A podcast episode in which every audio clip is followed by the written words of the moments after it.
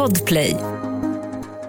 Vi går in i maj månad, det är den 2 maj 2023. Du lyssnar på D-Daily Messiah, ditt nyhetsflöde med mig, Messiah Hallberg. Klara Doktorow. John Wilander Lambrell.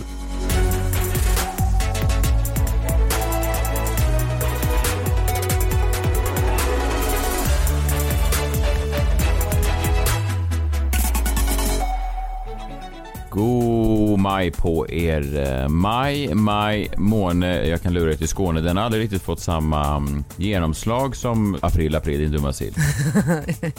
Jag har inte hört den där på 25 år kanske. Nej, jag vet. Det är lite konstigt för den har ju egentligen samma ingångsvärde. Alltså, mm, samma... mm, Ja, faktiskt. Den har inte alls satt sig Nej, på samma sätt. nej. Inte alls, man, man läser aldrig i tidningarna att tidningarnas stora maj, maj-skämt. Det är tråkigt.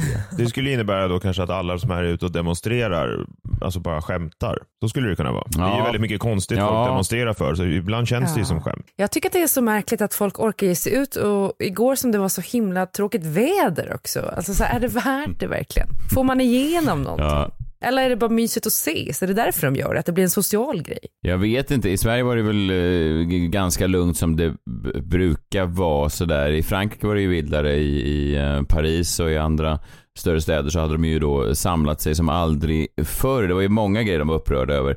Eh, Dels är det den här eh, att Macron ville höja pensionsåldern då från 62 till 64 år, vilket liksom, det får ju ingen riktigt, det är ingen som är upprörd i resten av världen kring det, att fransoserna har kunnat gå i, och om man ska vara helt ärlig, de jobbar ju inte ihjäl sig även då när de skulle jobba till 62. Nej. Nej. nej, men jag vet inte. Det, nej, det gör de ju inte. Och, och de hade varit ute i Paris då igår läste jag och färgbombat um, Louis Vuitton-butiken där den stora flagship-storen. Då en grupp som heter Va- varför det? Ja, Extinction Rebellion, de är väl då Eh, alltså de vill rädda planeten då, då gör de det genom att Jaha. färgbomba Louis Vuitton. Jag, tro, jag trodde det var pensionärerna som hade färgbomber Louis Vuitton. Jag förstod inte riktigt kopplingen, men det makes more sense då. Med tanke på Ja. ja. Ja, hur mycket pengar de spolar in på, på mode. De äger väl typ allt eh, LVHM-gruppen. Ja, det, det, det är möjligt att de gör, men, men fransosen är väldigt bra på det där. Det är ju en sån väldig kontrast mot de svenska demonstrationerna. Det är väl kul att de är ute och tågar också, men det känns som att vänstern i Sverige skulle behöva ett nytt projekt och verkligen brinna för, alltså det är fortfarande de här klyschiga sakerna som att minska orättvisorna i samhället eller något sånt. Alltså det är är väldigt fint i sig. För en rimlig reformagenda. Ja, det också. Samtidigt så vet man inte riktigt, i Frankrike, det är ju nästan, de är ju lite som sådana här, det finns ju sådana här konflikttjuvar man har som liksom tar minsta chans till strid. Eh, jag minns, jag gjorde en, ett samarbete med Unionen för ett tag sedan, några år sedan, eh, fackförbundet. Eh, och då skulle vi ringa upp en sån strejkande fransos och då fick vi tag i honom. Han var någon slags svensk-fransk kille som jobbar på tågen och de här tågförarna där, de strejkar ju hela tiden. De är ju riktiga sådana, de älskar ju att strejka. Då stod han och rökte när vi fick tag i honom på Facetime. Vilket var klyschigt bara det. Åt han ost? Nej, men han var säkert på väg till en ostavsmakning eller någonting. Men... Hade han en baguette under armen? Nej, men han hade en sån svartvit randig tröja. Och han gjorde sån... Var han otrevlig? Ja, det var han. Och han gjorde en pantomim i bakgrunden. Det var väldigt... eh, Han försökte ta sig ur en låda medan vi intervjuade honom. Då frågade vi honom hur många gånger har ni strejkat nu? Och då sa han, ja det har varit några gånger, det har varit en, eh, tre, fyra gånger i år. Och då tänkte man så här, tre, fyra gånger i år? Det är som att den här killen, alltså det är som att han bara tog jobbet för att det fanns möjlighet att få strejka. De, de har ju en väldigt... Kom hit, det är underbara strejkmöjligheter. Frankrike gör det där bättre i alla fall. Så är det. Om man ska färgbomba något så är det väl, är det väl bra att göra det första maj. Det känns eh, kraftfullt på något sätt. Ja. Ju. De orkar ju bara inte jobba och vem fan gör det? Nej visst, men du var ju inte ute och demonstrerade heller. Jag orkar inte. Nej, det orkar han ju inte. Absolut inte. Sen var det ett eh, hemskt eh, mord i Örebro igen och Eh, jag ska inte prata mer om det, man vet inte så mycket om det egentligen men, men det som slog mig var att det var all over social media då. Släktingar, vänner till den mördade hade liksom klippt ihop bildkollage då på den som hade mördats och lagt på musik och sådär. Det får man väl göra om man vill såklart. Jag vet inte hur man skulle reagera i en sån situation men det blir bara intressant aspekt när det kommer upp i ens flöde. Det blir kontrasten till allt annat på sociala medier blir väldigt stark. Liksom man går därifrån och sen kommer typ Ja men du vet, Bianca Ingrosso och gör reklam för smink eller vad hon nu gör eller äter pasta. Och det är ju inget fel i sig heller men det är bara att kontrasten när man sätter de två precis efter varandra det blir väldigt märklig. Jag tänkte på det som var när, ehm, ja men det var väl när Ryssland hade gått in i Ukraina då, när massa influencers samma dag då, den 24 februari skulle göra, lansera några samarbeten eller någonting och så blev alla vansinniga då Ja. för att inte idag skrek de. Och, och samma sak när det var den här Black Lives Matter-grejen så var alla hade svarta rutor, förutom några som då var tvungna att få ut det. Eh, eh, Det bara slog mig att det finns ju alltid ett Black Lives Matter eller ett krig på sociala medier. Alltså det är sällan så världsomspännande, men det finns ju alltid liksom en mo, ett bildkollage på en mördad på sociala medier. Så egentligen borde ju alla då som publicerar någonting som är mindre tungt än det, eh, konstant gå runt med dåligt samvete. Egentligen borde ju alla skämmas. Varför kan vi inte alla bara dela?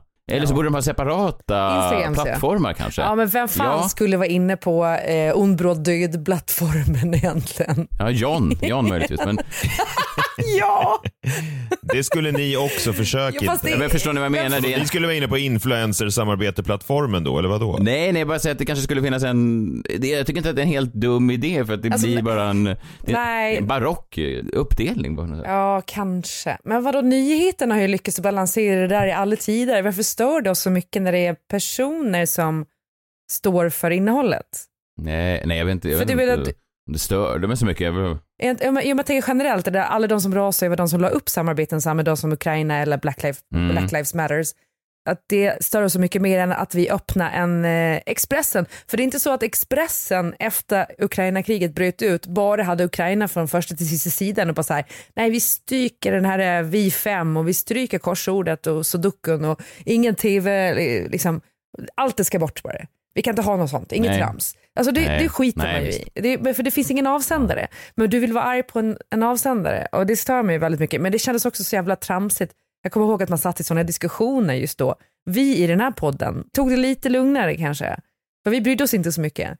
Eller vi brydde oss ju, det är klart att vi brydde oss. Men i andra situationer som jag satt i diskussioner och bara så här, vi måste pausa allt, vi kan typ inte ha reklam. Alltså bara så här, skämtar ni? Alltså väx upp, vad är det, vad är, liksom, nej, jag blir så jävla irriterad när Ja. jag tänker på det. Förlåt att du tog upp det, för nu är jag jättesur. Jag tror inte jag var särskilt upprörd. Jag bara slogs av det. Jag tyckte det var också... Jag tyckte också det var fascinerande. Det var så in your face med det här collaget och så bilderna och så musik. Det var så snabbt jobbat också för jag är så här liksom också, inte för att raljera kring det här, men jag har liksom klipp som jag har velat sitta och producera och klippa ut och sådär där i, som jag skjutit på i ett år och det här är då så, alltså att det, folk reagerar så olika att man tänker, jag säger inte att det här är fel, rätt eller fel. Folk får ju såklart hantera sorg och smärta hur de vill, men det är så, det finns någon ambition i det här som är stor också, att man bara så direkt sitter och börjar plocka fram Final Cut och göra ett in memoriam collage. Det är bara en spännande tid, en märklig tid, där allt blandas på det där Vilken sättet. av plattformarna ska dina klipp ut på av de här två uppdelade då? Ja, ja det är i och för sig sant. Många menar, jag, jag använder ju ofta humor för att belysa mörka element i, i det mänskliga. Så att det där är svårt. Bra fråga John. Det är fan oklart faktiskt. Kanske båda. Troligtvis båda. Du är den som transcends båda. Dina jävla kli- humorklipp. Ja, Vi vill ha en rå uppdelning här, en stark uppdelning. Bara en killes klipp kan, kan vi få med i båda.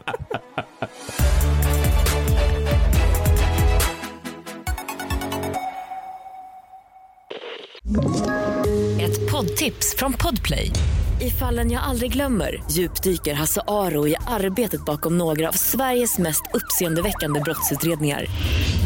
Går vi in med hemlig telefonavlyssning och, och då upplever vi att vi får en total förändring av hans beteende. Vad är det som händer nu? Vem är det som läcker? Och så säger han att jag är kriminell, jag har varit kriminell i hela mitt liv men att mörda ett barn, där går min gräns. Nya säsongen av Fallen jag aldrig glömmer på Podplay.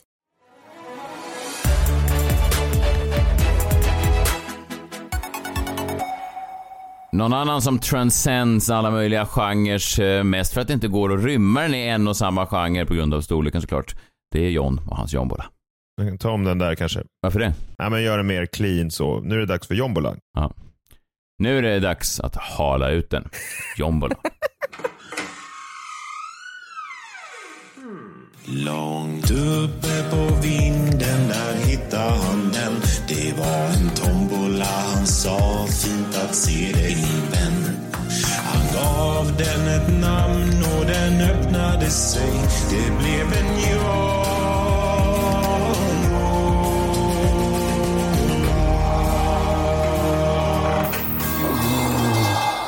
redan eh, igår så berättade du för mig att du tagit en lapp och på den stod det kungens födelsedag, vilket var väldigt lämpligt ju. Han fyllde ju år här eh, i, på valborg. Ja, han fyller ju alltid år eh, under valborgshelgen. Alltid samma, Varje alltid år. samma, alltid samma. Och ni vet ju vad jag tycker om födelsedagar. Det är väldigt ointressant överlag. Men det är ju någras födelsedagar som är särskilt ointressanta. Och ingens födelsedag är väl mer ointressant än kungens, eller hur? Jag vet inte om jag håller med, det är ändå vår monark. Trots att den födelsedagen och alla födelsedagar är så ointressanta så ska ju liksom massmedia alltid bevaka den här jävla kungafödelsedagen. Varför det undrar jag. Så är det bara då. De ska stå på den där balkongen och så ska det liksom göras nyhetsklipp av det. Den vanligaste rubriken så fort det har varit någon av de här ointressanta jävla kungafödelsedagarna, den vet du ju vilken det är, eller hur? Det är en rubrik som dyker upp varje år. Det är alltid samma grej, om det är på det här Öland eller på slottet, whatever. Det är alltid någonting som händer då. Det är liksom inte då kungen som gör något, utan det är alltid någonting annat som händer. Och det är alltid samma rubrik. Jaha, Mhm. visar de flaggan eller vad? Om om man säger så här, det är, det är kungens show, men då är det alltid någon som stjäl showen, ja, eller hur? ja, ja, men det brukar det väl vara rubriker. Någon stjäl showen. Det är alltid något barnbarn som stjäl en show. Ja, det är att ett barnbarn som då stjäl showen genom att kanske bara så här, inte stå helt still, brukar det ofta vara. Då tänkte jag, jaha, det här kommer väl dyka upp igen då. Men ja, kanske då att media till och med tröttnat på i alla fall just den rubriken. För Expressens reporter hittade ett annat jättescoop från kungens födelsedagsfirande detta år. Vi lyssnar på det.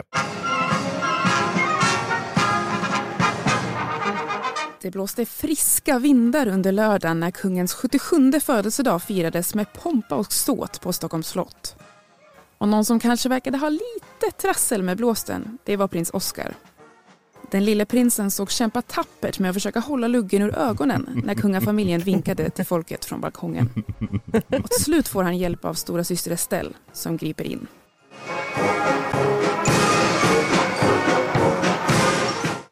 Och när vinkandet väl var avklarat, ja, då kunde Oscar äntligen få värma sig lite i sin mamma kronprinsessan Victorias kappa.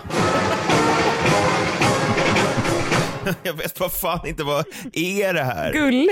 I- Ja, är det gulligt? Ja, okej. Jag vet inte fan vad det är. Var det du som hade eh, lagt på eh, pompmusiken mellan varje? nej, Eh, nej, det var det För det förhöjde lite var- det dumma i det, att det var så, luggen Ja, det- försvann. Bum, bam, bam, bam. Ja, nej, det hade, det, jag måste ge all den crediten till Expressens då. Reportrar på plats på kungens ointressanta jävla födelsedag. Bum, bam, bam, bam. Okej, jag har gjort någonting eh, för barnen.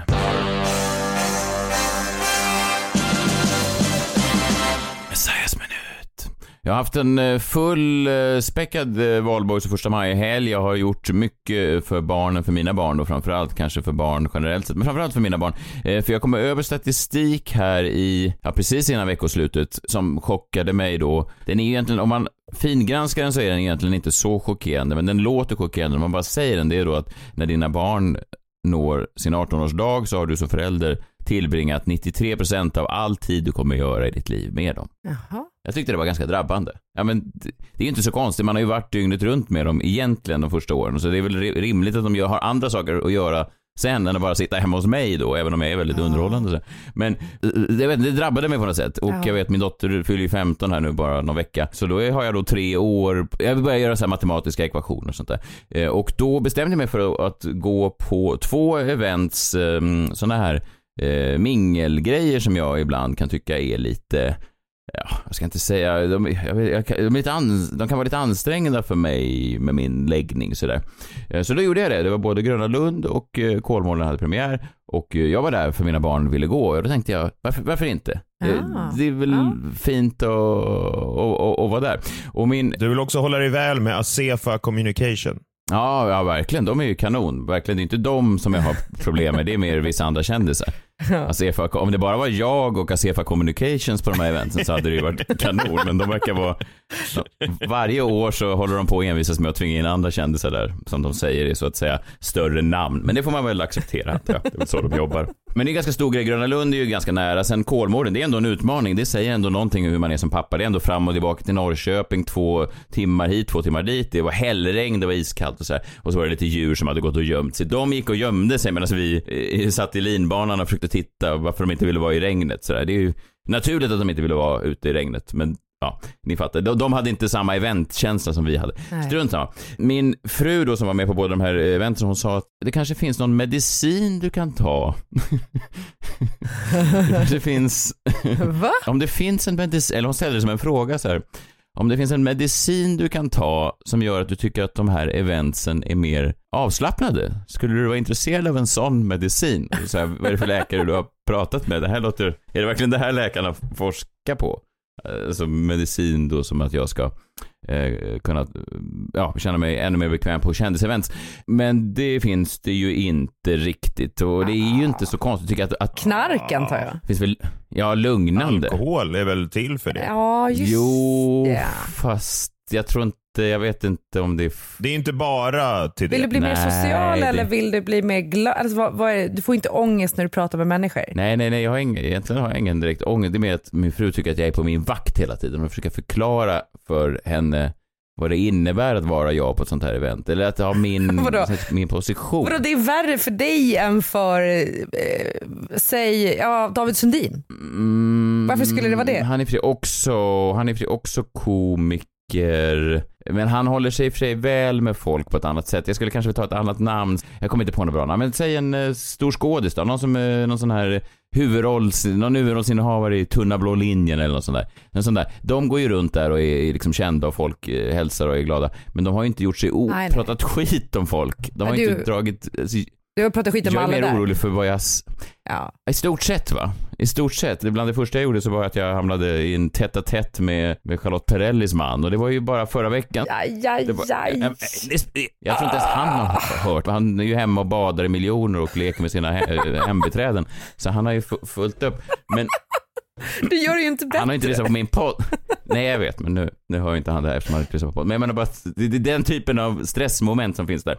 Kändisvärlden är ju så otroligt, det är ju så speciell grej och, och det slås ju av det hur man, man får ju aldrig fästa sig vid det för att det var ju vissa stora namn där, så här, bröderna Skarsgård, Leif GW Persson går ju runt där. Den som var mest omringad av den yngre generationen, alltså barnen på Gröna Lund, det var då en kille, en rödhårig kille, som mina barn fick förklara för mig vem det var. Det var sen han var en så kallad, en TikTok-intervjuare, en av de här killarna som går runt på stan och ställer lite snuskiga frågor till tjejer på Kungsgatan. Han var the shit. Det var kö till honom för att få ta en bild med honom. Oj. Ja, det säger någonting om bara vad, vad kändisskap är liksom. Att det, han är som en Skavlan då, om Skavlan var 22 och ställde samma fråga om och om igen till alla gäster. Och ingen av gästerna var kända.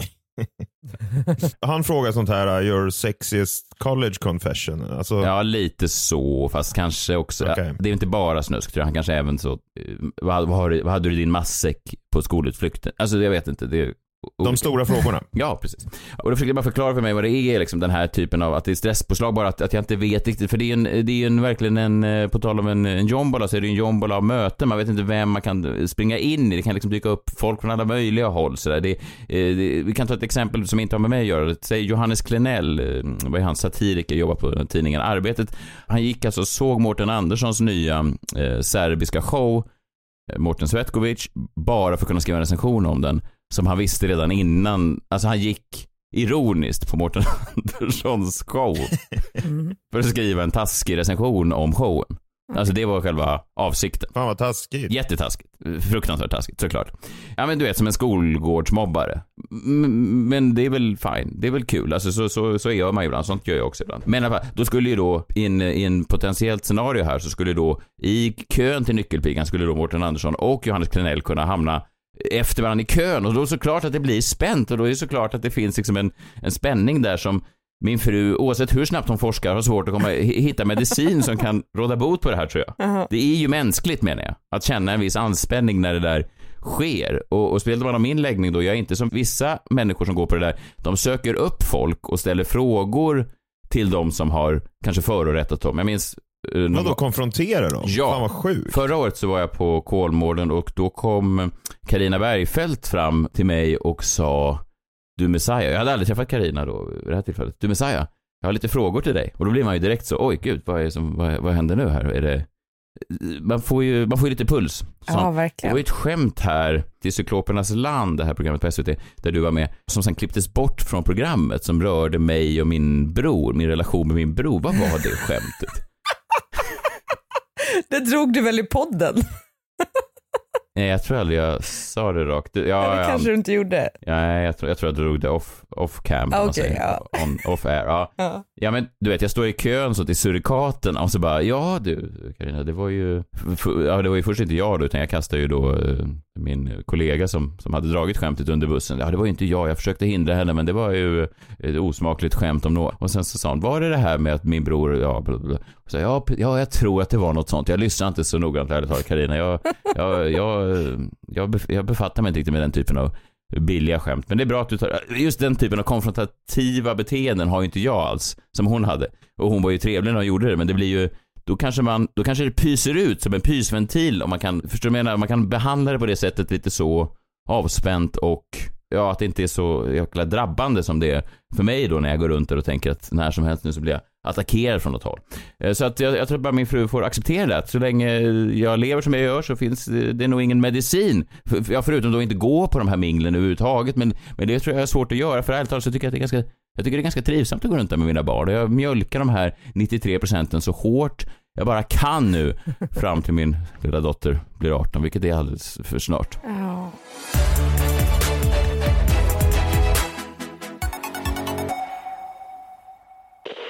Ny säsong av Robinson på TV4 Play. Hetta, storm, hunger. Det har hela tiden varit en kamp. Nu är det blod och tårar. Fan händer just nu. Det. Detta är inte okej. Robinson 2024, nu fucking kör vi! Streama söndag på TV4 Play. Ett poddtips från Podplay. I podden Något Kaiko garanterar östgötarna Brutti och jag, Davva, dig en stor dos skratt. Där följer jag pladask för köttätandet igen. Man är lite som en jävla vampyr. Man har fått lite blodsmak och då måste man ha mer. Udda spaningar, fängslande anekdoter och en och annan arg rant. Jag måste ha mitt kaffe på morgonen för annars är jag ingen trevlig människa. Då är du ingen trevlig människa, punkt. Något Kaiko, hör du på Podplay. Därför är gardinerna.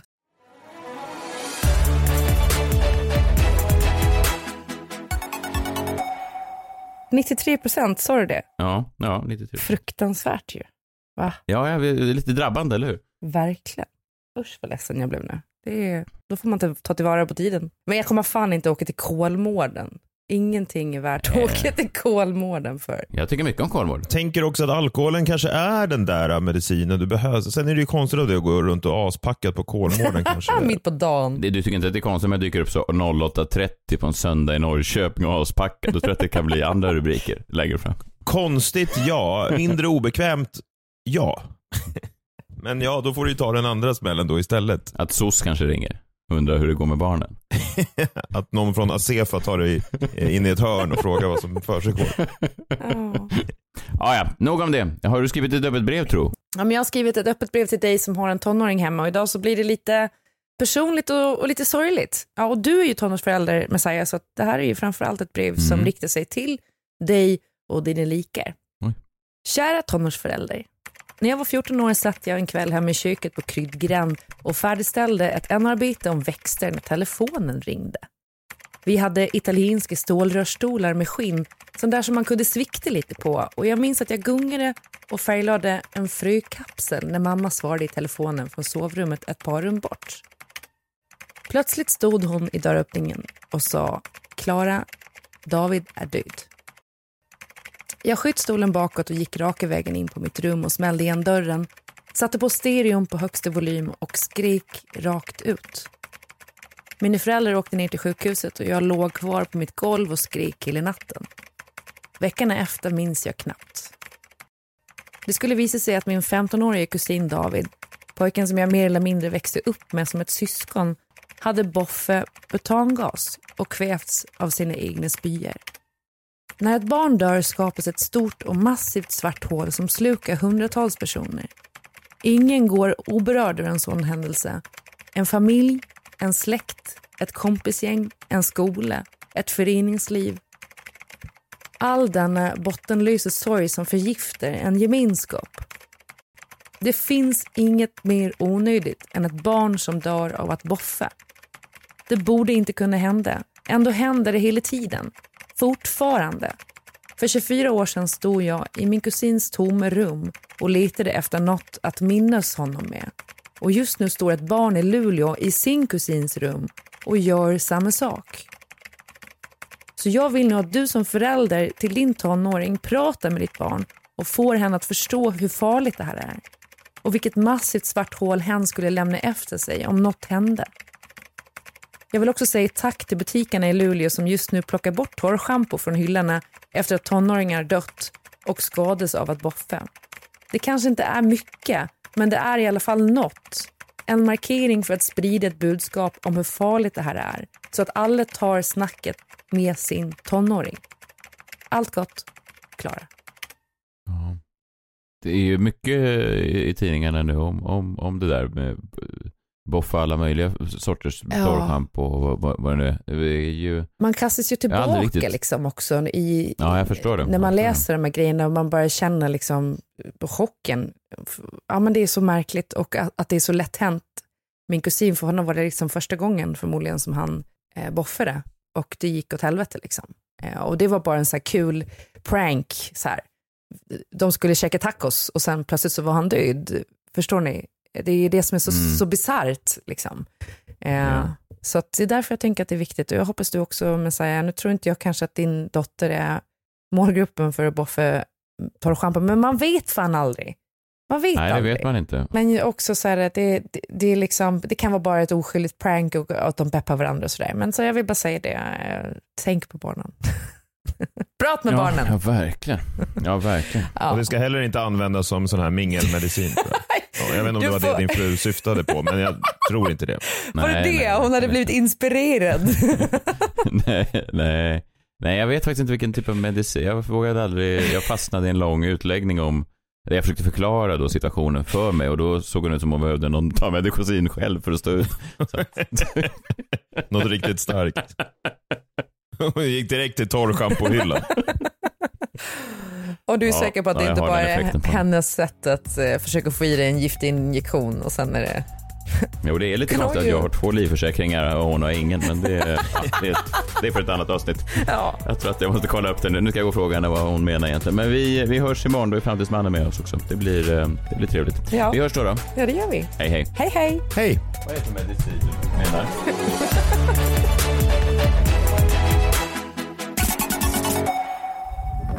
Podplay, en del av Power Media. Ny säsong av Robinson på TV4 Play. Hetta, storm, hunger. Det har hela tiden varit en kamp. Nu är det blod och tårar. Fan händer just nu. Det. är Detta är inte okej. Robinson 2024, nu fucking kör vi! Streama söndag på TV4 Play.